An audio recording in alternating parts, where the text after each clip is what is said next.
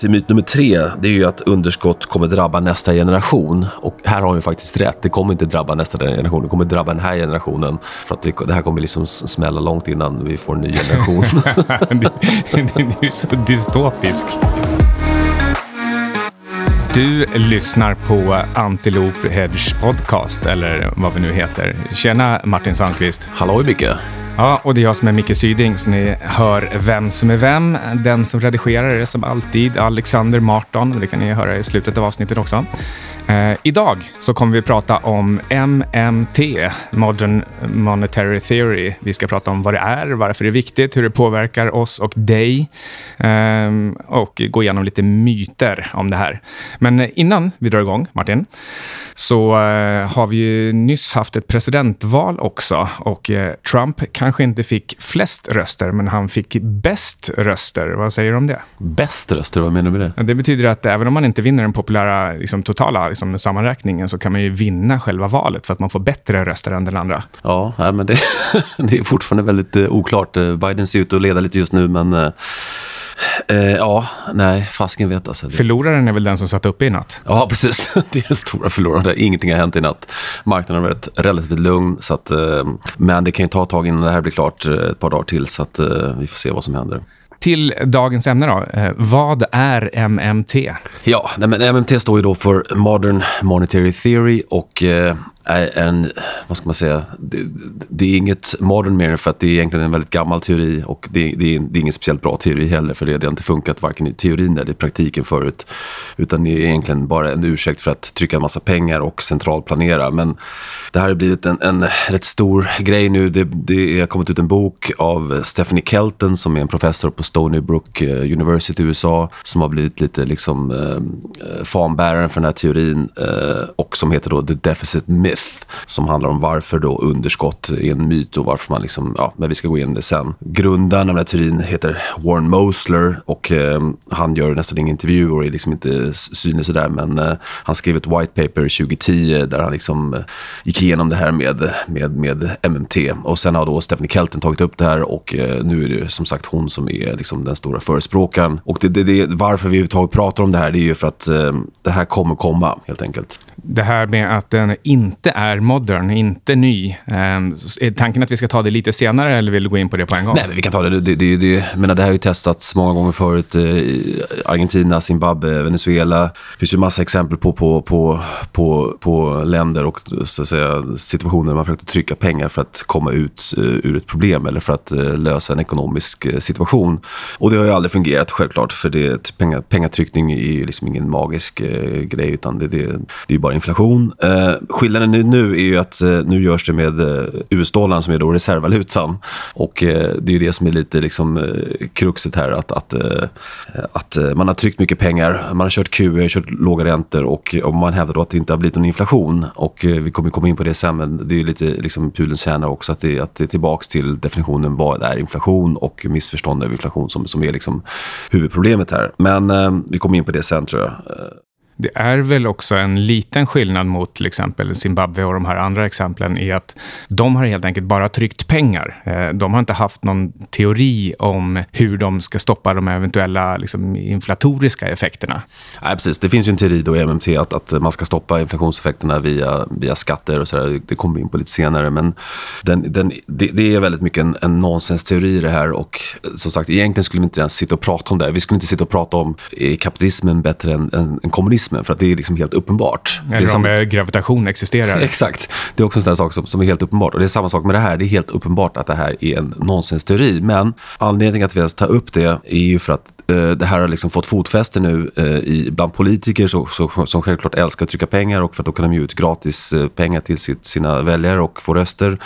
Akademia gillar det också för att de är väldigt vänstervridna, många sina professorer. Och det här kommer komma i USA och det kommer komma i resten av världen tror jag också. Så, så därför, det kommer påverka marknaderna, så därför är det liksom väldigt viktigt att, att, att prata om det här coin clipping och eh, eh, bröd och skådespel för folket lyckades ju redan de gamla romarna med och det slutade inte så bra. Precis, nej precis. Så man, man kallar det för liksom, uh, butter and guns liksom, eller vad det nu är. Liksom, att man ja, uh, försöker skapa någonting ur ingenting. Och det är liksom det MNT handlar om, att, att man kan lösa allting genom att trycka pengar. Och uh, ja, det är ju självklart liksom inte så. För att hade det, hade det varit liksom nyckeln till, till välstånd så hade vi liksom gjort det för länge sedan. För det, det, ja, det krävs ju inte speciellt mycket. Alltså, det är lite lustigt det här att alla förstår förstås att man blir inte rikare om man sitter som Robinson Crusoe på, på en öde ö och trycker pengar. Det är liksom självklart.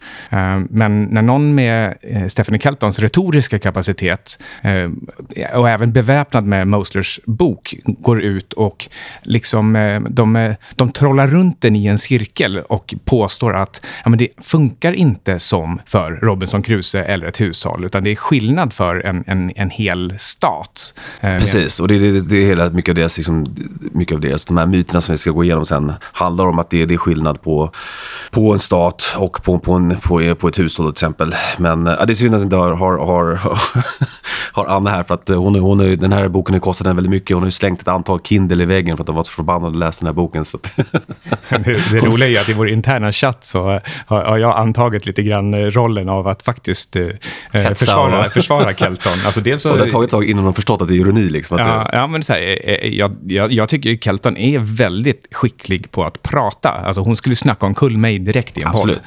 Eh, och, eh, och, och sen är det också så att eh, på, på vissa sätt så, så håller jag med om vad Kelton säger på riktigt. Men, men sättet som jag håller med om det, det är, liksom, det är lite speciellt. Det har egentligen att göra med att stater förvrider och snedvrider alltid saker och liksom skapar problem. Och huruvida man liksom trycker pengar och korrigerar med liksom punktskatter eh, eller om man liksom bara tar, tar skatter och, och kör med, med underskott och lånar upp pengarna eller inte inte. Liksom det, för min del är det inte, det är inte en jättestor skillnad. Den stora skillnaden är egentligen att med MMT så blir det mycket lättare att göra extra mycket av det. Precis. Och men, hon, har ju, hon har ju vissa poänger där hon har rätt helt enkelt. Att, att, att, till exempel eh, eh, att det här med att staten inte behöver ta in skatteintäkter för att spendera pengar utan staten trycker ju bara liksom sin egen valuta och sen spenderar man. Och det är ju faktiskt i, i verkligheten så det går till. Att, att eh, staten inte behöver liksom samla in några skatte, skattepengar innan de spenderar utan de spenderar ju pengar direkt ur tomma intet. Och eh, det har ju det helt rätt i.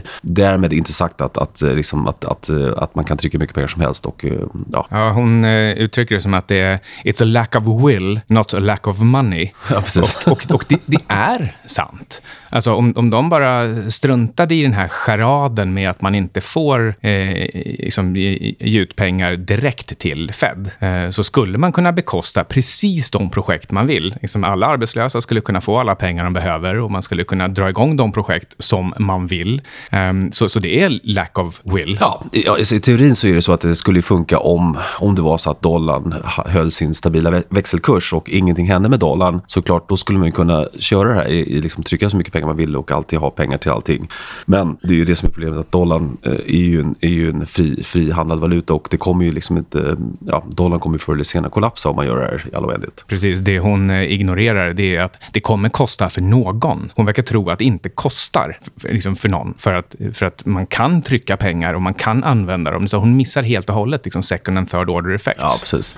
Och menar, det är kul när man hör så intervjuer med henne att hon, hon använder mycket begreppet silly hela tiden. Att det där är silly och det där är silly. Och det, det, det är lustigt att just, det är just MMT som är silly. Mm, det där är en sån smart gaslighting som eh, vi svenskar till slut börjar få lära oss liksom vad, det, vad det betyder. Det är som helt enkelt man, man eh, förvirrar någon med cirkelresonemang. Och, ja. och eh, ehm, ja, eh, lösa påhitt som liksom tar, tar fokus från vad det egentligen handlar om. Eh, men en sak som jag ändå verkligen, verkligen håller med om, det är att inkomstskatter, eh, hon, hon kallar ju skatter för obsoleta. Jag tycker liksom inkomstskatter just, de är både nymodiga och obsoleta. Det var ju olagligt i amerikanska konstitutionen från början. Ja, nej, men de var ju tvungna att kringgå den för att få in inkomstskatten, som du säger. Så att det, ja. Um, men eh, om man nu ändå liksom sysslar med MMT, eh, då behövs ju faktiskt något sätt att dämpa inflation. Så eh, eh, ehm, Kelton hon börjar ofta liksom i en ände som säger att eh, jag har rätt och det här måste vi göra. Och givet att vi gör det som jag tycker att man måste göra, då måste man göra en annan sak också. Eh, och, och, då är ofta den där liksom andra åtgärden, den är liksom korrekt. Så att om man nu gör MMT, det vill säga finansierar saker willy-nilly, eh, ja, men då måste man ju ha till exempel priskontroll eller skatter för att dämpa inflationen.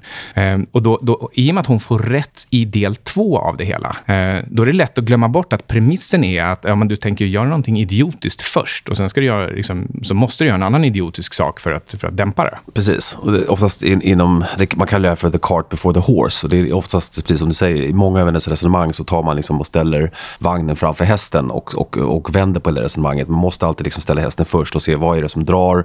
Och just i det fallet med liksom skatter, hon, hon hävdar att, att som sagt, skatter finns bara till för att då dämpa inflationen som uppstår när, när, när man trycker pengar. Och hon, hon, hon går in djupare på det sen också och säger att liksom det enda skälet att vi överhuvudtaget har pengar, det är att vi behöver betala skatter. Vilket är ju liksom totalt nonsens, för att mina pengar uppstår ju liksom, hon, hon, de, de, de går förbi, förbigår hela det här med liksom att vi har gått från byteshandel till att, att införa ett, ett, ett medium för exchange, då, pengar. Hon, hon är helt på att, att, att det, där liksom, det där är uppstått för att, för att folk behöver betala skatter till staten. Och liksom, det är ju total nonsens då, självklart. Hon har väl eh, till och med sagt att eh, det finns inga bevis på att det har förekommit byteshandel.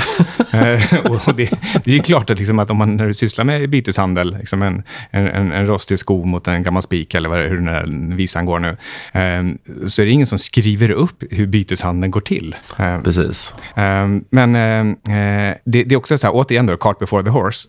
om, om pengar ska vara ett, ett måste, alltså man, om man måste ansluta sig till någon typ av statspengar, ja men då behövs skatter och våldsmonopol. Alltså det är återigen det här att de vänder bak och fram på allting. Ja, självklart så behöver ju man, det är ju faktiskt en, en anledning att man behöver dollar i USA för att man behöver betala skatter. Så att, eh, ja, återigen så finns det en, liksom en, en, någonstans en kärna av sanning i det här, men, men eh, det blir ju helt upp och nervänt om, om man som sagt vänder på resonemangen. Om man nu ska välja mellan eh, MMT plus skatt som inflationsbroms, eh, eller bara så som det brukade vara, att man, man tar in skatter och så försöker man balansera budgeten över tid, eh, då, då väljer jag liksom alla gånger eh, nummer två. För det innebär att då, då kommer folket in var fjärde år och får tycka till om eh, vad man gör med pengarna och inte minst hur mycket man gör. Och, och skatterna de synliggör ju hur mycket man gör. Ja, precis. Och jag menar, skatt är, är ändå... Det, det, det är billigare att betala för, för staten via skatt än att betala för staten via att trycka pengar. För inflationsskatten blir alltid större och värre och påverkar liksom mer människor. Så det är alltid den sämsta formen att, att försöka finansiera då en, en, liksom all statlig eh, kostnad och eh, utgifter via inflationsskatten. För det är, det är det dyraste sättet i slutändan. Tror du att det här är mer än teoretiskt? Tror du att det här faktiskt leder till eh, en, en förändring i våra ekonomiska, liksom, i, i, vårt ekonomiska liv de kommande tio åren som, som, som faktiskt påverkar oss? Ja, men det, det kommer det definitivt göra. För det här är ju, det här är ju en ursäkt då för att, att, att, att, att trycka pengar i liksom tills träden tar slut helt enkelt. Och det, men man, man, det, man, man, vet man, man trycker ju faktiskt inte pengar utan det, det är ju digitala det, det är digitalt, markeringar. Precis, ja, nej, men det, och eh, det kommer påverka oss då, för att det här är som sagt, eller det här är bara inflation då och det kommer ju leda till eh, många effekter på marknaden, att, att, att priser hålls uppe och allting. Och, eh, är, det, är det bra eller dåligt om det här nu skulle leda till att Eh, dollarns eh, reservvalutastatus försvinner? Ja, nej, men för, förr eller senare så kommer ju dollarn kollapsa. Det är ju slut, slut, liksom, må, det, är just det som slutligen kommer hända om det här drivs till sin spets. Det vet vi inte om det kommer hända. Men om, om man fortsätter på samma spår nu så kommer ju dollarn gå då väldigt nära noll någonstans eller kollapsa. Och då eh, måste man ju ställa om helt enkelt. Men någonstans på vägen så kommer det bli att liksom länder ställer om till någon annan reservvaluta kanske. Eller man, man, man ställer om till någon guldmyntfotvariant eller, eller någon yuanbaserad liksom, eh, internationell valuta.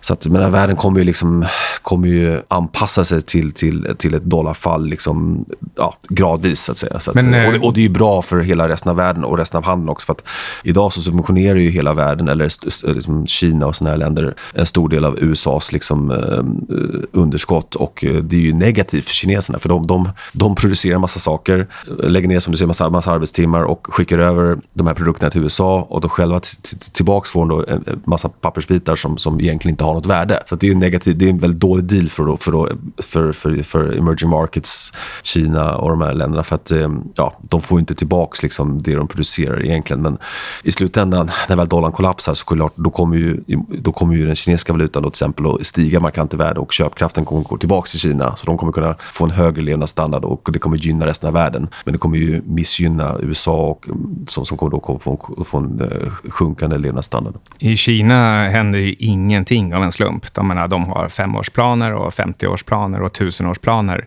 Så eh, om att de låter sin valuta vara svag och att de eh, tillåter USA att hålla på med vad de gör och ändå ligga med 800 biljon eller en trillion eller någonting sånt.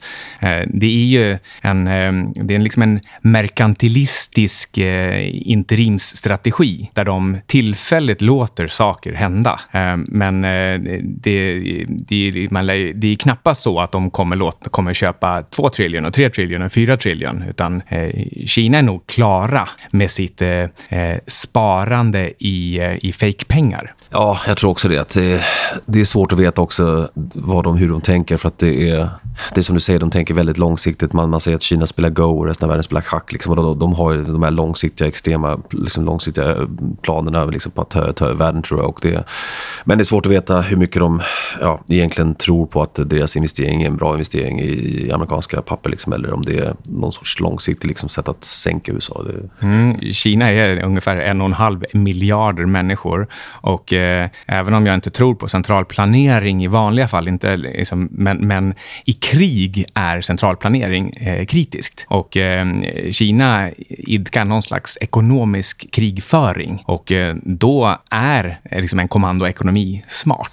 Ja, och det, tyvärr så kanske det blir mer än, än bara ekonomisk krigföring. Vi hoppas att det inte blir någon, någon liksom vapenbaserad krigföring också. Men den stora konflikten närmaste tio åren är liksom obevekligen mellan liksom öst och väst, mellan USA och Kina. Och det här kommer ju eskalera och, och eh, förhoppningsvis inte sluta i tredje världskrig. Men eh, ja, det, det, ser inte bra ut. Men vi kanske ska börja med att gå igenom de här sex mm. myterna då. Mm. Vilken är din första bästa ja. myt? Boken heter alltså The Deficit Myth av Stephanie Kelton och hon har då sex myter om underskott egentligen som, som, som, som går igenom. Och eh, vi, kan, vi kan ju börja med den första då. Staten är som ett hushåll och liksom staten måste liksom balansera utgifter och kostnader. Det menar hon då, det är, en hel, det är en myt för att staten har då sin egen valuta så att man behöver liksom, staten behöver inte tänka som ett hushåll. Jaha, men eh, eh hur, hur ska allting gå ihop då? Alltså man har ju ändå ändliga resurser. Vad man har är ju människor, verktyg och tid. Eh, hur, hur kan det funka? Eh, eller vad, vad, säger du är eh, problemet med att hon säger att det här är en myt? Eh, men jag, tycker man kan vända på det och säga så här, okay, men varför har inte varje, varje enskild person sin egen valuta och eh, utfärdar den då? För att eh, vi, kan, vi kan tänka att eh, Micke har lite problem med att betala sina räkningar, så han utfärdar Micke Coins. Alltså grejen är att det där tycker jag är... det har du redan gjort. Det där, nej, men det där är, ja, det har jag i och för sig, men, men på riktigt. Men, men, men, men, men det där eh, är lite av min framtidsvision. Att alla har en slags eh, liksom valuta, kan vara via krypto eller inte, som liksom är, är kopplad till min förmåga att leverera. Precis. Och det är det, kopplat, det, är det jag kommer tillbaka till. Alltså det, valutan är ju kopplad till din förmåga att betala tillbaka eh, de här skulderna som du, som du skulle ställa ut då, liksom för, för, att få in de här pengarna. Och det är samma sak med staten då, att eh, allting är tillbaka kopplat till att dollarn har ju bara ett värde om marknaden fortfarande tror att, att, att man kan betala tillbaka de här skulderna. Och de enda som kan betala någonting, det är ju folket. Staten har inga pengar. Staten är ju liksom bara en, en, en fördelare av, av medel. Utan, alltså, tillgångarna finns ju i, i privata sektorn och eh, om, om det, det är som Kelton hela tiden missar, det är ju liksom att dollarn har inget värde om, om det inte finns den här produktiva kapaciteten hos befolkningen. Mm, nej, så eh, eh, resten av världen som ju då också använder dollarn, dels så använder de den bara liksom som en eh, an, anonym medium of exchange, en, en slags bokhållare som säger du är skyldig mig en, liksom en viss typ, en viss mängd arbete. Frankrike säger till Tyskland, du skyldig mig en viss mängd arbete och den kan liksom räknas i dollar. Men för att det ska funka i slutändan så måste alla veta att ja, men du kan också växla in den där dollarn någonstans mot ett, eh, ett konkret värde. Och det här gäller ju inte minst Kina som har nästan a trillion dollar. Um, och um, om, om, om de börjar ana att vårt sparande här, vi har ju, de har ju sparat liksom miljontals arbetstimmar genom att köpa dollar. Och de dollarna vill de ju kunna växla mot lika många, minst, miljontals produktiva timmar. Och om, om det slutar då med att de bara får nytryckta papperslappar, då, då börjar det börjar gnissla där. Då vill de inte längre eh, ha de här dollarna, dollarna, för de litar ju inte på att det är miljontals timmar bakom. Precis, och det är faktiskt en, en myt nummer fem då, som vi kommer till sen. Men det är, eh, vi kan gå in på den sen. Men, men som sagt, allt, allting kokar, kokar tillbaka till, till att, att, eh, de har, att dollarn har reservvalutastatus har gjort att USA faktiskt kan driva det här systemet med underskott utan att betala för sina importer med exporter, vilket egentligen som är huvudsyftet med liksom handel att man måste göra. Man kan, man kan konstant driva bytesbalansunderskott, och liksom, eller negativ bytesbalans och eh, inte betala för, för, för det man importerar utan bara, bara eh, utfärda nya då, dollar helt enkelt. Och eh, ja, det, det, det, funkar ju bara för att som sagt just att eh, USA-dollarn är reservvalutan. Och det är det som är spe speciellt med det här. Att det, det här är första gången man testar då MMT, liksom bara trycka pengar med en, så, med en global reservvaluta. Liksom. Så det, det är det som gör det lite unikt. Där. Ja, jag tänkte bara, vi kan flika in att vi spelar in det här eh, onsdag lunch den 3 november. Eh, men nu går vi, eller fjärde. andra biten. Eh, det är att det är onsdag. Ja, okay. du behöver inte prata datum nu. Okay, andra, andra myten, kör andra myten. andra myten är då att underskott eh, uppstår för att, man, för att staten överspenderar. Och hon menar då på att det, det är en myt för att om staten spenderar pengar så, så skapar man värde någon annanstans. Att, och det räknar man inte med i det här då, liksom att, att, att staten faktiskt eh, skapar ett värde när de bygger en bro eller någonting. Och så. Och det, och det, det, finns ju klart en viss poäng vid det. Problem... Det är ju sant om man bygger rätt bro. Precis, och det är det som är hela poängen. Att de stat, alltså, eh, staten bygger ju sällan effektivt eller allokerar liksom pengar effektivt eller liksom gör, gör rätt eh, ja. Vadå, menar du att uh, statstjänstemännen inte skulle vara smartare än, än, marknaden eller alla andra i, i samhället? Ja, precis. Det, det, är liksom det, det, det här med hela problemet med centralplanering, att det funkar ju aldrig. Utan vi behöver ju en decentraliserad liksom, uh, marknad som fattar de här besluten för att ingen är ju smartare än Men är inte det här ideologiskt ändå? Alltså, så här, här kan man inte säga rätt eller fel, utan uh, Kelton har helt enkelt ideologin att um, man, man väljer de bästa människorna och de väljer de bästa projekten. Då är det nästan självklart att staten kommer välja mer effektiv resursallokering än marknaden. Ja, och precis. Och eh, mycket av MMT härstammar eller går tillbaka till någon form av liksom socialismen eller kommunismen, att, att staten vet bäst. Och, eh, och det är det som är hela problematiken med det också, att det är en väldigt liksom vänstervriden teori som, som rättfärdigar liksom centralplanering och, och eh, pengatryckning och sådär. Då till myt nummer tre, det är ju att underskott kommer drabba nästa generation. Och här har hon faktiskt rätt, det kommer inte drabba nästa generation kommer drabba den här generationen. För att det, här kommer liksom smälla långt innan vi får en ny generation. du är så dystopisk. Men hon tar upp då liksom, att, att, USA hade enorma underskott under, efter andra världskriget. Liksom, skulden var 120 procent mot BNP och liksom, det var inga problem. Det drabbar ju inte nästa generationen. Men det, det hon missar ju liksom att, att USA då betalade tillbaks, betalade, betalade ner skulden och liksom fick, ordning, fick ordning på ekonomin. Och den höga skuldbördan var ju bara en effekt av, av, av kriget som man behövde liksom föra mot eh, ja, Tyskland och Japan. Det går så snabbt nu. Vi eh, kanske höjer på ögonbrynen lite grann åt eh, 5 trillion i liksom, covid-spending. Men eh, på, på ett par års sikt så kan det där snabbt bli 50 trillion som trycks. Och eh, då blir det som du säger, det blir eh, dagens generationer hinner känna av alltihop. Alltså till och med de här liksom, gamla stötarna som, som Trump, som ju egentligen ska dö av ålderdomssvaghet snart. Eh, han hinner känna av att det, att det blir problem. Ja, precis. Det, det, det, men det, det, ja, det har ju gått mycket längre än vad jag trodde. Jag hade ju trott att det här skulle, liksom, om man får för tio år sedan, om man skulle liksom kunna ha sina underskott och trycka så mycket pengar, så hade man ju trott att dollarn skulle kollapsa för länge sedan. Och det har inte gjort då. Eh, det som har hänt är att guld har gått upp och det är en indikator på att, att det här liksom, nå, någonting är snett i, liksom den monetära världen. Du är liksom ehm, eh, motsvarigheten till eh, en förälder vars tonåring smäller igen dörren och säger du fattar ju ingenting. Och, och den som, som säger du fattar ju ingenting. Det är liksom någon eh, snowflake eh, millennial eller nästa generation som, eh, som köper konkursade Hertz. Ja, så kan det du vara. fattar ju ingenting. Varför är du så negativ? Ja, exakt, det är bara att trycka pengar. Vad är problemet? Liksom? Det, det, det kommer lösa allting.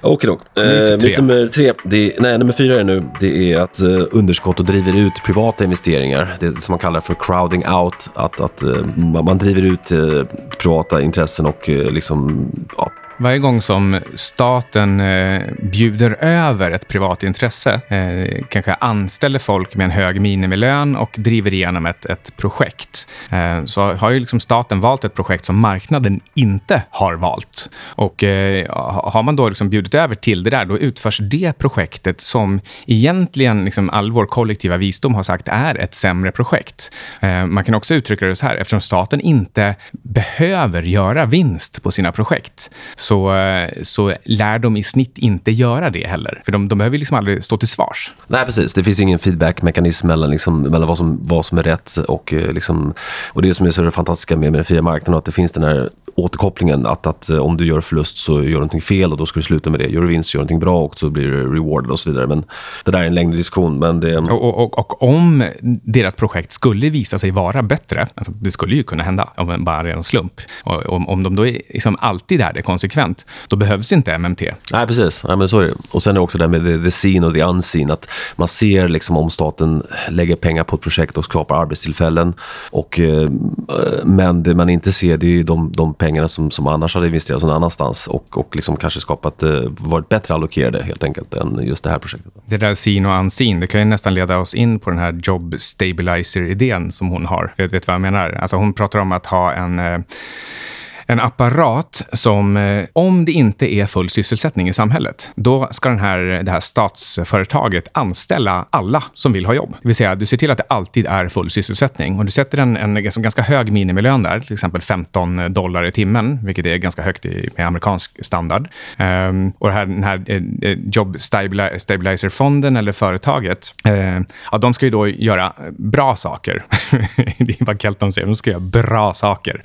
Ja, um, och, och, och eh, det här innebär att du, du bjuder över personer som har ett produktivt jobb i den privata industrin till det här eh, statsföretaget där eh, ja, men Kelton i princip får, får bestämma vad de ska göra för någonting. Och då gör de saker, men vad som är, och det är ju sin, sin, eh, men vad som är unseen, det är vad de ju egentligen skulle ha gjort för produktivt i sin vanliga sysselsättning. Precis, och jag menar, Sovjetunionen så var ju arbetslösheten var ju alltid noll i Sovjetunionen, så man hade aldrig något problem med, med, med, jobb. Alla hade ju alltid jobb och det ska man också ha i, i den här världen, liksom, om, om Kelton fick bestämma. Men vi vill inte ha jobb för jobbens skull, utan vi vill ha det som jobb producerar. Vi vill ha det, välstånds, det välstånd som, som kommer av, liksom, av det, vi, det vi gör. Liksom. Och, eh, det är produkten och tjänsterna som man är ute efter. Och, och det, det, det, blir katastrof om man har den här centralplaneringsvarianten liksom, och inte låter den fria marknaden bestämma. Utan då, då blir det liksom att, som det blir i som, som, som det blir i Sovjetunionen, att liksom folk svälter och eh, man, man vet inte hur mycket, liksom, många kilo bröd man ska producera för att det, det är väldigt svårt för centralplanerare att bestämma det. Att. Eh, I, I det sammanhanget så vill jag ändå bara påpeka och ge henne lite rätt här i att alltså statens uppgift, utom i kanske en ren nattväktarstat, så är statens uppgift är att snedvrida från en marknadslösning till någonting annat som eh, eh, regeringen med sin etik och moral tycker är eh, bättre saker. Alltså man ska ju snedvrida. Det är precis, liksom hela det statens... Precis, det, det, det, det säger också att det är, liksom, det är poängen här också att man... En poäng med skatter och sådär, det är att försöka utjämna skillnader och sådär. Och, och, ja, men det, det, det har hon ju lite rätt i. Liksom, att det... Precis, så du kan, antingen så kan du börja med att eh, ha en balanserad budget och sen så beskattar du saker som du tycker är Eh, dåliga. Du vill liksom styra på något sätt med skatten. Eh, och sen ger du transfereringar till andra saker som du vill snedvrida också. Så du liksom får en dubbel snedvridning. Så kan du göra. Liksom, och det, det, är liksom, det är vårt vanliga system, det är vi vana vid. Ehm, sen frågan hur mycket du ska göra. Ehm, och sen har du MMT. Då istället så då behöver du inte den där första skattesnedvridningen, utan du kör en, en, en snedvridning i form av att använda MMT-pengarna som du känner för det. Ehm, och sen blir det en inflation som snedvrider på ett okontrollerat sätt. Du liksom vet ju egentligen inte vem det snedvrider för och på vilket sätt, men oftast är det de, de, de sämst ställda och fattiga som får betala. Och sen ovanpå alltihop så lägger du ändå på en skatt i slutändan, gärna på de allra rikaste, för att snedvrida ännu en gång. Uh, och liksom, system 1 och system 2, båda två är ju bara att någon som bestämmer ska snedvrida efter sin etik och moral. Um, och den stora skillnaden som jag ser mellan systemen, det är egentligen bara incitamenten av hur mycket man kan göra och hur tydligt det är av vad som händer. Ja, men det, det stämmer. Det, så är det. Men nu kommer vi lite liksom off track här. Det, det, det blir en lång diskussion. Är det fler myter? går, det, går ner det. Ja, nummer fem då, det är liksom att underskotten gör USA beroende av omvärlden. Och det är självklart så att liksom USA är ju beroende av till exempel då Kina för att uh, leverera massa varor och, och USA skickar tillbaka massa pengar uh, som de trycker då. Och um, hon menar att det här är en myt då för att till exempel då kineserna får ju då en väldigt säker tillgång i form av uh, amerikanska obligationer. Så vad är problemet? ja, det är väl inget problem. De kommer ju kunna trycka pengar som kommer ju aldrig defaulta. Nej, precis. Och, och kineserna har alltid en obligation som, som, ja, som är en tillgång. Och tillbaks, återigen så, så faller allting tillbaka till liksom växelkursen och eh, självklart så hade det här funkat i teorin om, om, om växelkursen var konstant och ingenting hände med den. Då hade ju, då hade ju allting varit fine, men så är, så är inte verkligheten. Utan verkligheten är ju att om, om, man, om man trycker massa pengar så, så måste växelkursen gå ner i slutändan för att man får, en, man får en, ett ökat utbud av någon, så, så, så, något så måste det liksom sjunka i värde. Kan inte Fed köpa dollar då? Hålla uppe, hålla uppe växelkursen? Det känns lite som ett Kelton-argument. Ja, fast de det skulle kunna funka. Köpa dollar är ju motsatsen på det. Ja, stimulera det är ju liksom att, att, eh, det är ju att uh, få ner dollarn. Liksom. Så att de kan ju inte bara både liksom köpa och sälja samtidigt. Nej, men det, det, det är annars en klassisk Kelton. Hon säger att då kan vi trycka hur mycket pengar vi vill och köpa dollar ja, för. ja. Det lyftas i håret. Eh, men det är som, ett, även när jag själv uttrycker det så, jag hör ju hur dumt det låter, men, men jag kan ändå liksom inte sådär liksom, rakt av bara liksom eh, förklara exakt mekaniskt varför nej, det inte funkar. Nej, jag tror att skulle Stephanie varit här så hade liksom, vi hade varit bortkollade för länge sedan. Ja, liksom, men så man trycker, trycker pengar med ena handen och så, så köper man dollar med den andra ja. och så, så, blundar man lite för vad som händer där mitt i. Ja, och hon säger i intervjuer också att USA kan betala av sin statsskuld där som helst. Det är inga problem. Bara med liksom blink of an eye så kan vi betala statsskulden. Och det är ju i teorin rätt också. USA kan ju trycka alla pengar de behöver för att betala av statsskulden. Men hon bortser ju då från vad händer med valutan. Och det, det är all... just being silly. Now just being silly. Låter som Stephanie. Då. Ja, nu är vi nästan igenom allting. Det är den sista myten, den sjätte myten, som handlar om eh, de här välfärdssystemen, social security, Medicare, Medicaid. Problemet med dem att, att det kommer leda till en kris i framtiden. Liksom, för att de här är inte funded då, utan de här bygger på liksom, att man, eh, man kommer trycka pengar i framtiden också. Och hennes, hennes, hennes argument är ju liksom, vad är problemet? För att pengarna kommer alltid finnas där. Det är bara att trycka dem så finns de där. Och vad säger vi till det? Ja, vad, vadå? Jag förstår inte heller vad problemet är. Pengarna kommer alltid finnas där. Vi kan alltid trycka. Sen är det bara frågan vad de är värda. Och det är det hon alltid liksom struntar i, den, den sidan av ekvationen. Att, att, eh, visst, pengarna finns där, men vad har de för värde? Vad kan de köpa? Mm, men eh, det här är ju då tyvärr en utmaning som, som jag har jobbat mycket med. Det här med underliggande värde. Ingen som bryr sig om. För liksom, saker kan ju handlas på P10 eller P50. Det spelar ingen roll. Det är ändå Dave Portnoy som bestämmer vad, vad kursen ska vara.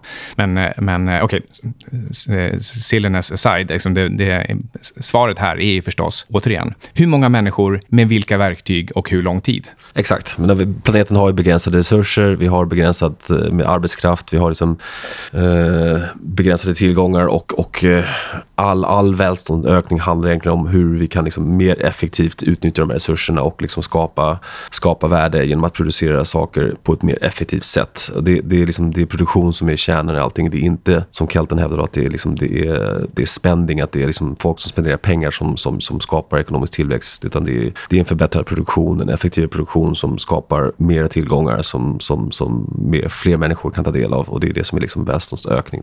Det är synd att hennes svar på Robinson Crusoe alltid är att ett samhälle är skillnad från en, en person som eh, liksom, skapar en ekonomi. Men, eh, men annars så skulle det vara intressant att se henne gå igenom kapitel för kapitel den här boken How an economy grows Ja, med Peter faktiskt. Schiff. Det skulle vara kul att se en debatt mellan Peter Schiff och uh, Stephanie Kelton. Alltså det, det vore väldigt skulle ju bara kalla honom för silly hela tiden. alltså, så här, ja, men vadå fiska upp en fisk eller bygga ett fisknät och fiska två fiskar? Ja, det är väl ingen som gör. Det väl, liksom, Ja, det, ingen lever på fisk. Nej, precis. Och, uh, nej, precis. Det, Lätt, eh, vad, vad, vad heter det så här? Kilmange de brioche.